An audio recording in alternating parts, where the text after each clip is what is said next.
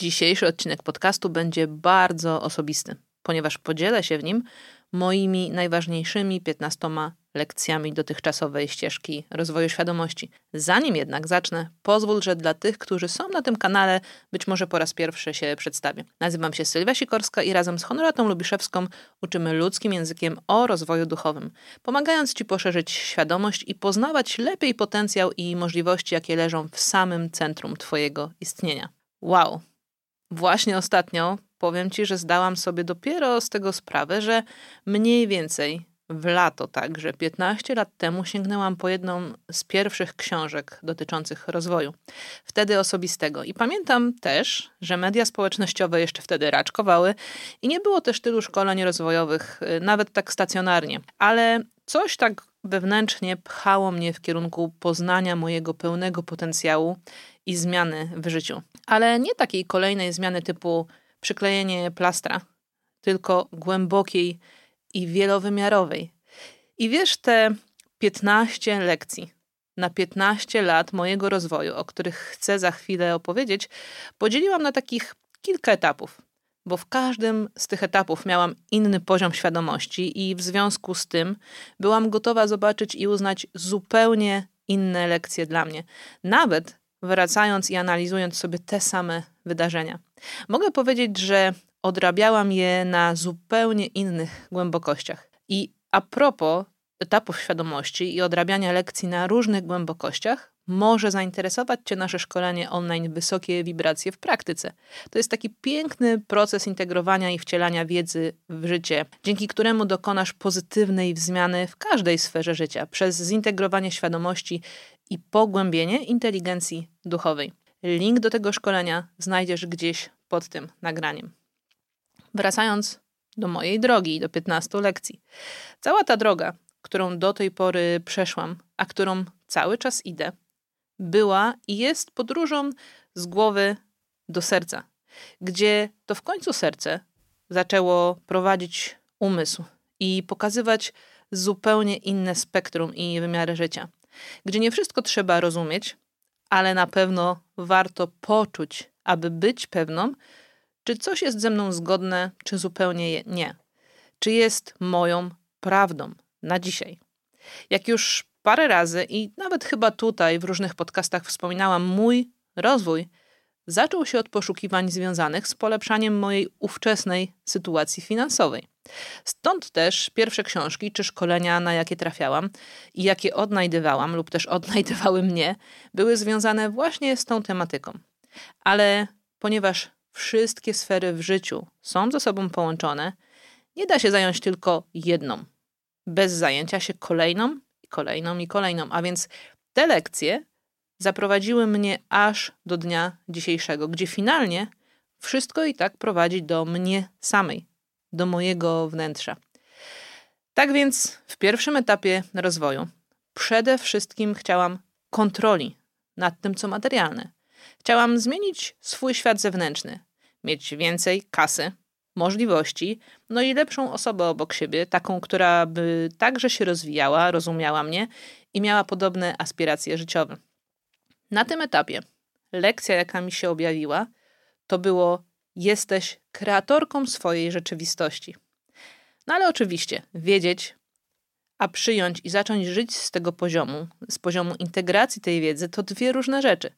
Dodatkowo, gdy chce się kreować jedynie z głowy, to może być w tym bardzo dużo oporu i wysiłku. I myślę, że zajęło mi też chwilę, aby w każdej sferze życia przestać obwiniać okoliczności i innych ludzi za to, jak wygląda moje życie, że czegoś przez kogoś lub coś nie mogę zrobić, a wziąć pełną odpowiedzialność za to, co kreuję tak na co dzień. I wiesz, wtedy, w pierwszych latach mojego rozwoju, ja bardzo dobrze stosowałam prawo przyciągania, czy też techniki, których uczył na przykład T. Harv Eker, Joseph Murphy, jego potęga podświadomości, czy książka Sekret. Ale wszystko to szło z głowy. Dodatkowo twierdziłam, że przeszkadzają mi w tym, aby to wszystko dla mnie działało i abym mogła rzeczywiście być kreatorką życia, ludzie, którzy mnie wtedy otaczali. Godzinami wtedy praktykowałam wizualizację, afirmacje, różne techniki zmiany rzeczywistości, no i przynosiły one skutki, na chwilę krótsze i dłuższe. Ale dla mnie ważne wtedy było, że te zmiany zachodziły, bo one pokazywały mi, że praca ze sobą i rozwój mają sens. Zaczęłam wtedy realizować swoje pierwsze pomysły biznesów online. Stworzyłam bardzo duży projekt od zera, w który zaangażowało się tysiące ludzi. Występowałam i organizowałam duże szkolenia biznesowe. Doświadczałam przepływu dużych kwot, jak na tamte czasy, oraz podjęłam decyzję o zakończeniu małżeństwa, które nikomu nie służyło, i mogę powiedzieć, że zmieniłam wówczas moje życie o 180 stopni. Jednak był to czas, w którym mocno kreowałam z głowy i ego chcąc udowodnić przede wszystkim sobie, chociaż wydawało mi się, że całemu światu, jaka jestem fajna. Podejmowałam ryzykowne decyzje z tej głowy, nawet mogę powiedzieć, że brawurowe, no bo potrzebowałam przebijać sama siebie i mieć ten podziw. Obudziły mnie dopiero moje długi i potem długi moich rodziców. Wtedy nastąpił taki czas zatrzymania i przyjrzenia się intencją i wzięcia tej pełnej odpowiedzialności nie tylko za sukcesy, ale i za tą ciemną stronę mojej mocy. W tym czasie działałam już razem z Honoratą i w sumie ta kolejna lekcja, druga, o której będę mówić, a raczej kolejny etap lekcji odrabiałyśmy częściowo razem, rozwijając naszą markę w branży doradztwa marketingowego i biznesowego online. Druga lekcja to Twoje intencje i emocje są ważniejsze, a raczej powiedziałabym mocniejsze niż myśli, które bez ich wsparcia są w sumie jak jakaś wydmuszka. Przez pierwsze dwa, trzy lata bardzo mocno pracowałam ze swoim umysłem. Jednak nie przynosiło mi to takich efektów, jak wtedy chciałam do końca albo na tak długo. I wówczas żyłam jeszcze w przekonaniu, że zawsze można mieć to, czego się bardzo, bardzo chce czy pragnie. Wystarczy o tym myśleć, wyobrażać to sobie i w to wierzyć. No i jest, tak? Fake it till you make it. Wizualizuj i afirmuj. Nikt wtedy nie mówił o tym, że brakującym ogniwem prawa przyciągania i ucieleśniania są między innymi intencje i emocje. Moje intencje zostały więc bardzo mocno przefiltrowane wzdłuż i wszerz i to przez kilka lat. Dlatego na początku, gdy jeszcze zajmowałyśmy się marketingiem i doradztwem biznesowym, miałyśmy wzloty i upadki. I mimo tego, że wielu ludziom pomogłyśmy rozkręcić ich marki, to same stosując dokładnie te same zasady, potrafiłyśmy dużo zarobić, a potem to w jakiś sposób stracić. Albo spełniać swoje marzenia w postaci chociażby wyjazdu na Super Soul Sessions do Oprah Winfrey przy jednoczesnym borykaniu się z zadłużeniami czy innymi wyzwaniami w innych sferach życia, w tym zdrowiem własnym czy bliskich. Doświadczyłam też tego, że nieważne jak mocno i jak intensywnie o czymś myślisz i jak bardzo mówisz, że w to wierzysz, że wierzysz w tę wersję siebie, która żyje w obfitości wszelakiej. Możesz bardzo chcieć mieć i być, ale jeśli nie odzwierciedlasz tego w swoich przeważających emocjach na swój temat, temat innych i świata, to Twoje materializacje będą albo krótkotrwałe, albo takie bardzo mocno wysiłkowe. Trzecim wymiarem tej lekcji było doświadczenie tego, że nie ucieleśniam tego, czego chcę, ale to, czym jestem. Jestem tym? Hm. Pytanie, które zaczęłam sobie wtedy zadawać, to czym jestem na poziomie przeważających emocji i energii? Albo jestem czymś emocjonalnie i energetycznie, albo nie. A odsłona czwarta, dotycząca materializacji w życiu, to przyjmowanie tego, co jest za najlepsze, co może być na daną chwilę do mojego wzrostu. Im szybciej mam za to wdzięczność i biorę za to pełną odpowiedzialność, przyjmuję, że okej, okay, to jest konsekwencją tego, czym byłam jeszcze przed chwilą i niesie to za sobą na pewno jakieś przesłanie. Tym szybciej wracam do poczucia bycia obfitością. Im mniej chcę to zmieniać, a umiem w tym wytrwać jako obserwator i wyciągnąć swoje lekcje, tym szybciej przechodzę dalej. Można powiedzieć, że taką wisienką na torcie lekcji związanych z ucieleśnianiem jest na ten moment przyjęcie perspektywy, że rzeczy materialne dzieją się przy okazji pracy ze sobą, transformacji i powrotu do miłości, którą jestem i którą każdy z nas jest. Dlatego im mniej skupiam się na tym, czego nie mam, a chcę mieć fizycznie, a im bardziej skupiam się na tym, kim jestem, tym mocniej doświadczam zmian materialnych. Taki paradoks. Wtedy wszystko zadziewa się z lekkością i przy okazji. Kiedy zaczynam skupiać się na sobie w pełni, czyli mam uwagę skierowaną do wewnątrz, obserwuję siebie, pracuję z emocjami, odkrywam siebie jako miłość i dzielę się tym z innymi, wtedy na zewnątrz wszystko to odbija. I to myślę jest właśnie siódmą lekcją, moją osobistą, że świat i ludzie są moim lustrem. No i było bardzo ciężko mi przyjąć tę lekcję, zwłaszcza na początku. I mamy też na ten temat taki osobny podcast, także zapraszam do niego, ale kiedy wiesz, zaczyna się widzieć i czuć oraz rozumieć, jak działa ta zasada lustra, wtedy można bardzo szybko dokonywać transformacji. Brać to, co nasze i nie brać już do siebie tego, co nasze już nie jest. Lepiej wtedy dostrzega się dynamiki w relacjach i wydarzeniach, a przy pełnej odpowiedzialności, którą się bierze za to, jak wygląda moje życie, nie jest się już w stanie zrzucać winy i stać w roli ofiary. No więc, kiedy zaczęłam przyjmować, że pewne schematy relacyjne powtarzały się tak długo, aż nie wzięłam z nich przesłania dla mnie, no to przestały się one wtedy powtarzać. I tak, ósma lekcja dotyczy relacji z innymi i tego, aby nie poświęcać nigdy prawdziwej siebie po to, by coś zyskać z zewnątrz od kogoś, na przykład aprobatę, uznanie, miłość, lub po to, by nie być odrzuconą, samotną, nie, czu nie czuć upokorzenia czy wykluczenia. Do momentu rozwoju świadomości mogę powiedzieć, że byłam w tym mistrzynią, nawet o tym nie wiedząc. Płynęło to zarówno z pokoleniowej traumy przekazanej przez babcię Irenę, czyli mamę mojej mamy, jak i z podświadomej chęci, by każdy, kto był mi bliski, widział we mnie jakąś idealną osobę. Idealną córkę, wnuczkę, przyjaciółkę czy partnerkę. I odgrywałam tę rolę raz za razem, dziwiąc się, że po prostu jest mi w niej niewygodnie i że przynosi opłakane skutki. Ten pierwszy poziom lekcji dotyczący relacji z innymi był dla mnie naprawdę bolesny, ponieważ nie znając jeszcze schematów działania ludzkiej psychiki i umysłu oraz podświadomości, nie wiedząc o tym, że większość ludzi żyje tak naprawdę na autopilocie, który pcha ich do takiego, a nie innego działania, sama działałam na autopilocie.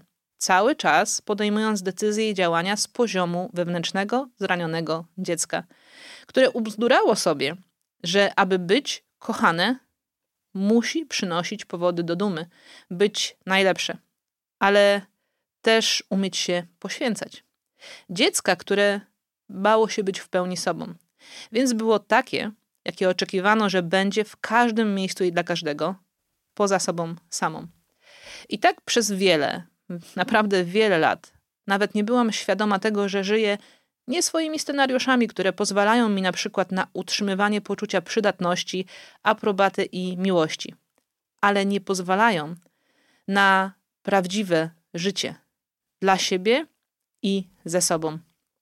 Kiedy się zaczęłam przebudzać, najpierw jeszcze z poziomu umysłu, ale zaczęłam w końcu zadawać sobie pytania. Na przykład, czy ja naprawdę chcę być zamężna? Dla kogo w ogóle była ta decyzja i skąd płynęła? I po uczciwej odpowiedzi wobec siebie już wiedziałam, że nie mogę żyć tak, jak żyłam i potrzebuję to zmienić. Drugie pytanie: czy ja naprawdę chcę prowadzić i przejąć biznes rodzinny? A skoro nie, to czego chcę spróbować i co chcę robić? I wiesz, to wcale nie było i nadal nie jest łatwe wyłapywać te momenty, kiedy wkrada się stary program, który pcha mnie do tego, aby zaskarbić sobie czyjąś uwagę, sympatię czy miłość. Na różnych etapach świadomości działo się to coraz szybciej, że mogłam to wychwytywać. Stare programy, nawet kiedy je z wierzchu wyczyścimy i wypolerujemy, potrafią siedzieć jeszcze ukryte bardzo głęboko w piwnicy.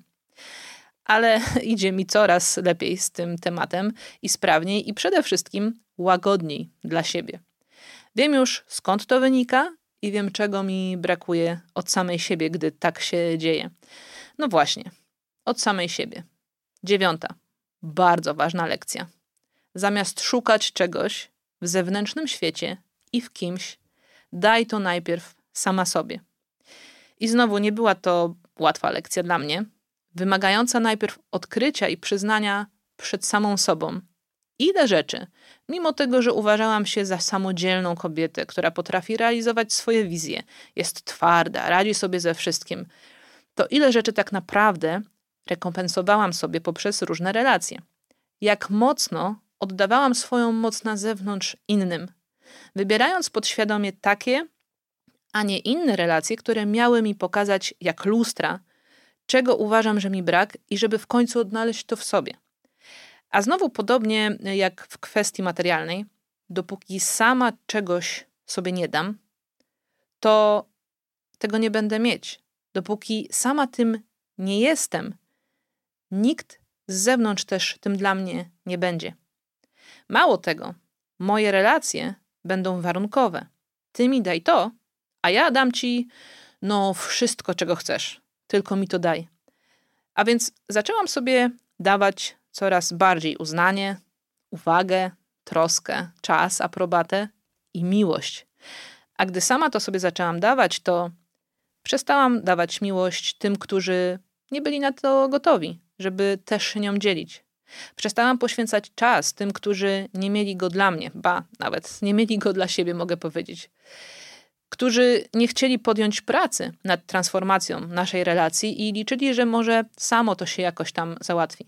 Przestałam, bo to już ze mną nie rezonowało, a ja nie rezonowałam z tym. A dzięki temu, że zaczęłam to wszystko odnajdywać w sobie, przestałam się przejmować tym, co myślą czy mówią na mój temat inni, czy też jakie oczekiwania wobec mnie mają.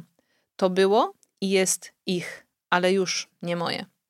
Wiesz, z tą miłością bezwarunkową i byciem nią dla siebie najpierw samej, to jest y, ciekawa przygoda życia. No na przykład y, ja, tak, potrafiłam i czasem nadal jeszcze potrafię w jednej sferze życia być tą miłością, a w drugiej zupełnie nie. I stawiać sobie warunki. Jeśli tylko to i to, to wtedy zasłużę, by się kochać. I mogę śmiało też powiedzieć dzisiaj, że jednak teraz bardzo szybko widzę, że jestem daleko od bycia miłością bezwarunkową dla siebie. Właśnie poprzez relacje z innymi i ich uważną obserwację. Bo jak już wspominałam, ludzie i relacje z nimi to jest piękne lustro. Jeśli tylko jest się na nie uważnym, można się wiele o sobie nauczyć. Jeśli coś w zachowaniu innych odpala jeszcze we mnie coś i dotyka mnie, no to wtedy wiem, że to jest o mnie. Ale jeśli nie, to wtedy wiem, że to już jest czyjeś. W ogóle relacje to jest taka niesamowita okazja dla rozwoju. Możemy uczyć się dużo o sobie i o nas jako ludziach. Możemy poszerzać swoją świadomość dzięki wielu aspektom dotyczącym relacji z ludźmi. Choćby taki, i to jest w sumie moja dziesiąta lekcja, czyli aspekt tego, czym jest albo jaka jest moja definicja udanej relacji biznesowej, przyjacielskiej czy w końcu partnerskiej. I kiedyś miałam, mogę powiedzieć, nie swoją perspektywę y, na każdą z tych relacji i uważałam, że to ma wyglądać tak, a nie inaczej. Byłam bardzo surowa w tym. Przyjaźń miała swoje zasady, związki miały swoje i miałam wiele oczekiwań wobec różnych osób, którym przypisywałam różne role. Dziś, z tych 15 lat perspektywy i dzisiejszą świadomością, widzę to zupełnie inaczej.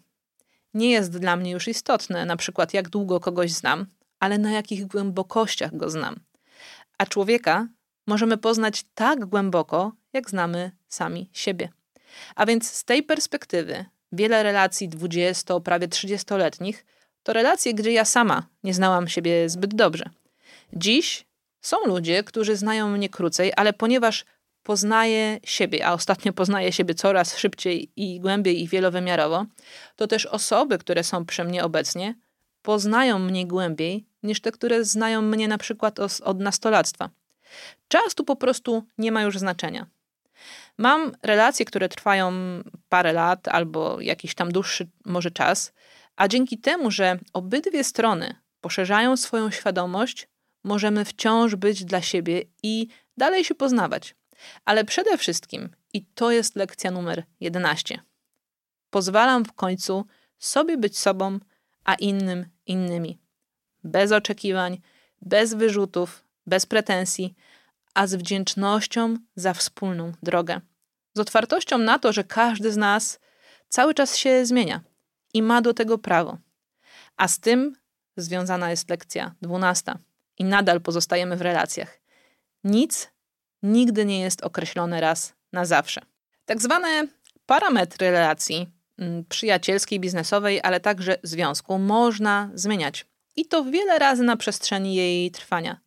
Nawet istnieje taka potrzeba dla relacji wieloletnich, aby nie wiało nudą, rutyną i przywyknięciem do tego, że ktoś jest pod ręką, więc nie za bardzo w sumie musimy się już starać, bo przecież jest mi to dane na zawsze.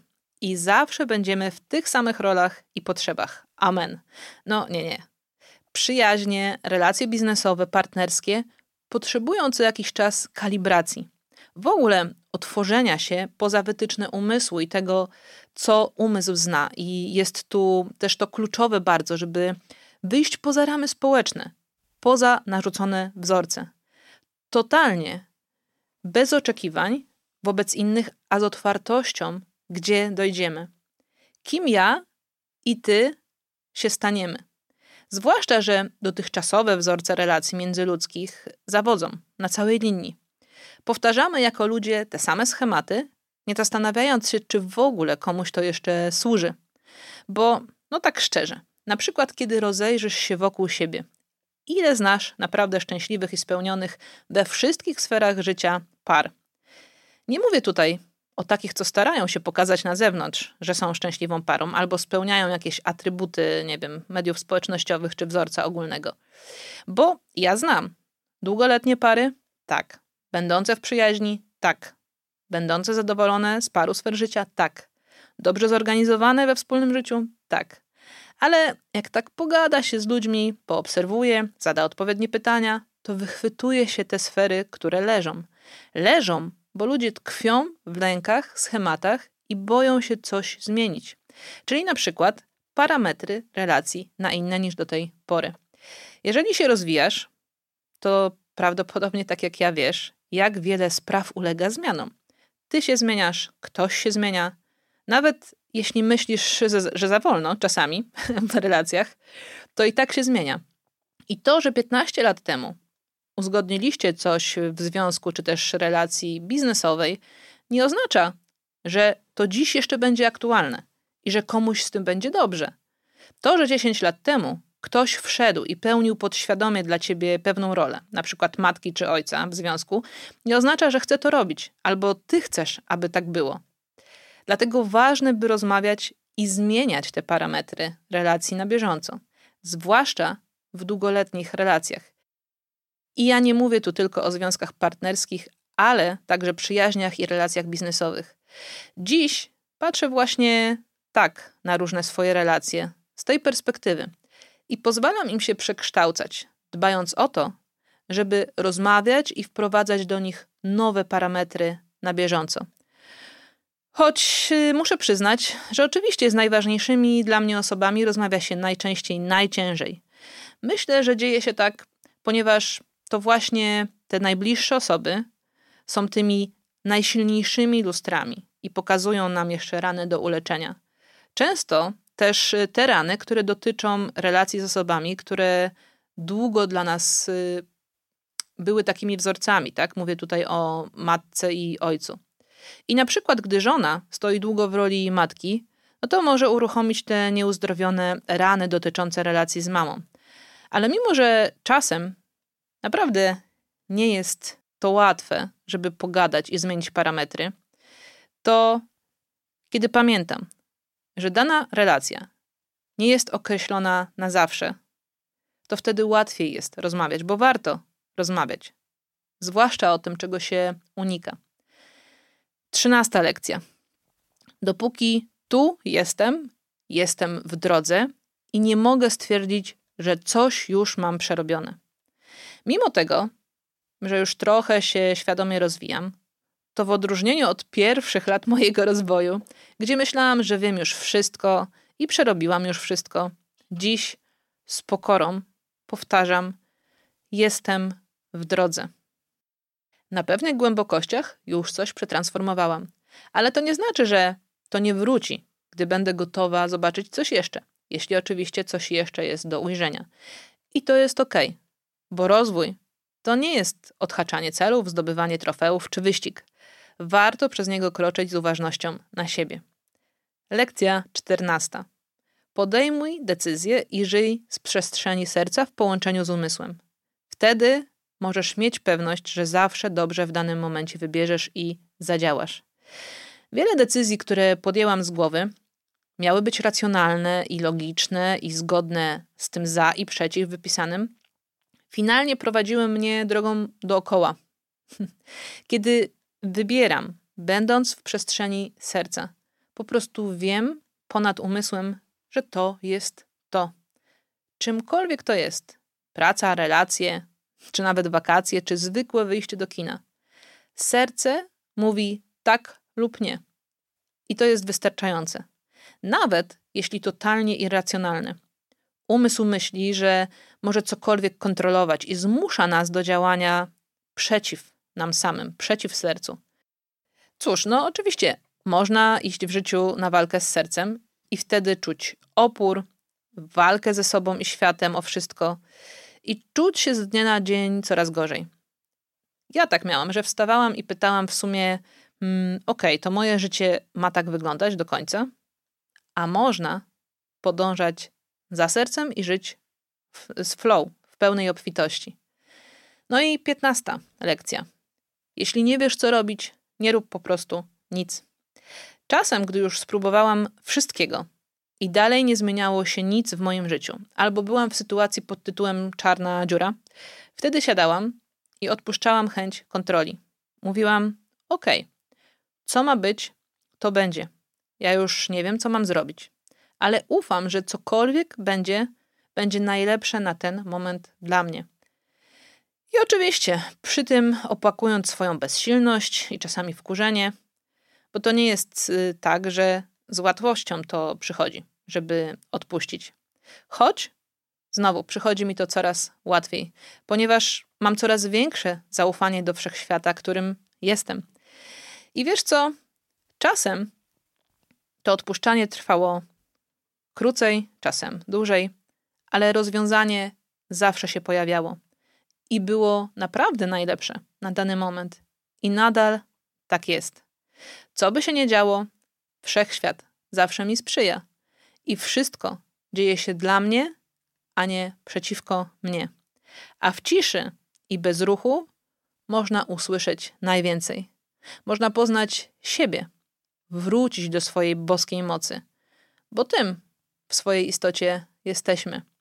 I to jest taka ekstra lekcja na koniec, że ja przez ostatnie dwa lata, zwłaszcza dwa lata, mam taki powrót do swojej boskiej mocy, gdzie nic nie muszę, a wszystko mogę, gdzie po prostu jestem w tu i teraz. Przynajmniej staram się być tak często, jak mogę, bo to, co jest teraz, nigdy się już nie powtórzy.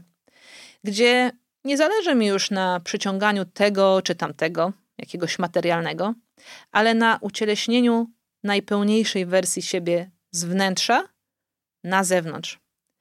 A w tym celu bardzo dużo czasu spędzam właśnie w ciszy i bez ruchu, obserwacji i byciu ze sobą. Choć co jest ważne, także dużo potem spędzam na działaniu, bo to, co wzniosłe, potrzebuje ugruntowania, by mogło w ogóle zaistnieć. Swój etap świadomości rozpoznajemy po tym, czy umiemy wcielać w życie codzienne to, czego się uczymy i o czym pięknie potrafimy mówić czy pisać. Moja duchowość dzisiaj wyraża się w codzienności, bez uciekania w zbyt górnolotne formy i praktyki duchowe. Czy umiem doświadczać na przykład drugiego człowieka, nie uciekając w cokolwiek? Czy umiem doświadczać chwili i czuję, że mogłabym tak jeszcze tutaj sobie siedzieć i gadać o tych moich lekcjach na 15-lecie mojego rozwoju, ale zostawię Cię już z tym, co zostało przeze mnie powiedziane w Twoich rozważaniach, w Twoim czuciu i mam nadzieję, że zainspiruje Cię chociaż troszeczkę na Twojej ścieżce rozwoju. Bardzo Ci dziękuję, że tutaj byłeś i byłaś ze mną dzisiaj. I jeśli czujesz, że ten odcinek może wnieść światło w życie innych, Podziel się nim dalej i daj znać w komentarzu, co bierzesz dla siebie. Do usłyszenia kolejnym odcinku podcastu Wysokie Wibracje.